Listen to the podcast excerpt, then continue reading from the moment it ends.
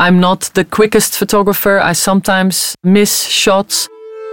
I'm not the most technical photographer. I don't know that much about technical photography, shutter speed, f stop, ISO.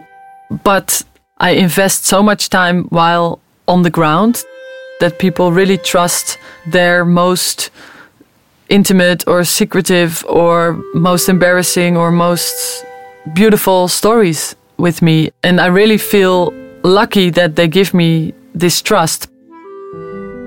People trust me and I can get very close. I've seen so many babies being born. I've seen so many people pass away. And all these intimate moments I've been able to capture within my career. And it's amazing that people grant you this kind of access. That's where my strength lies.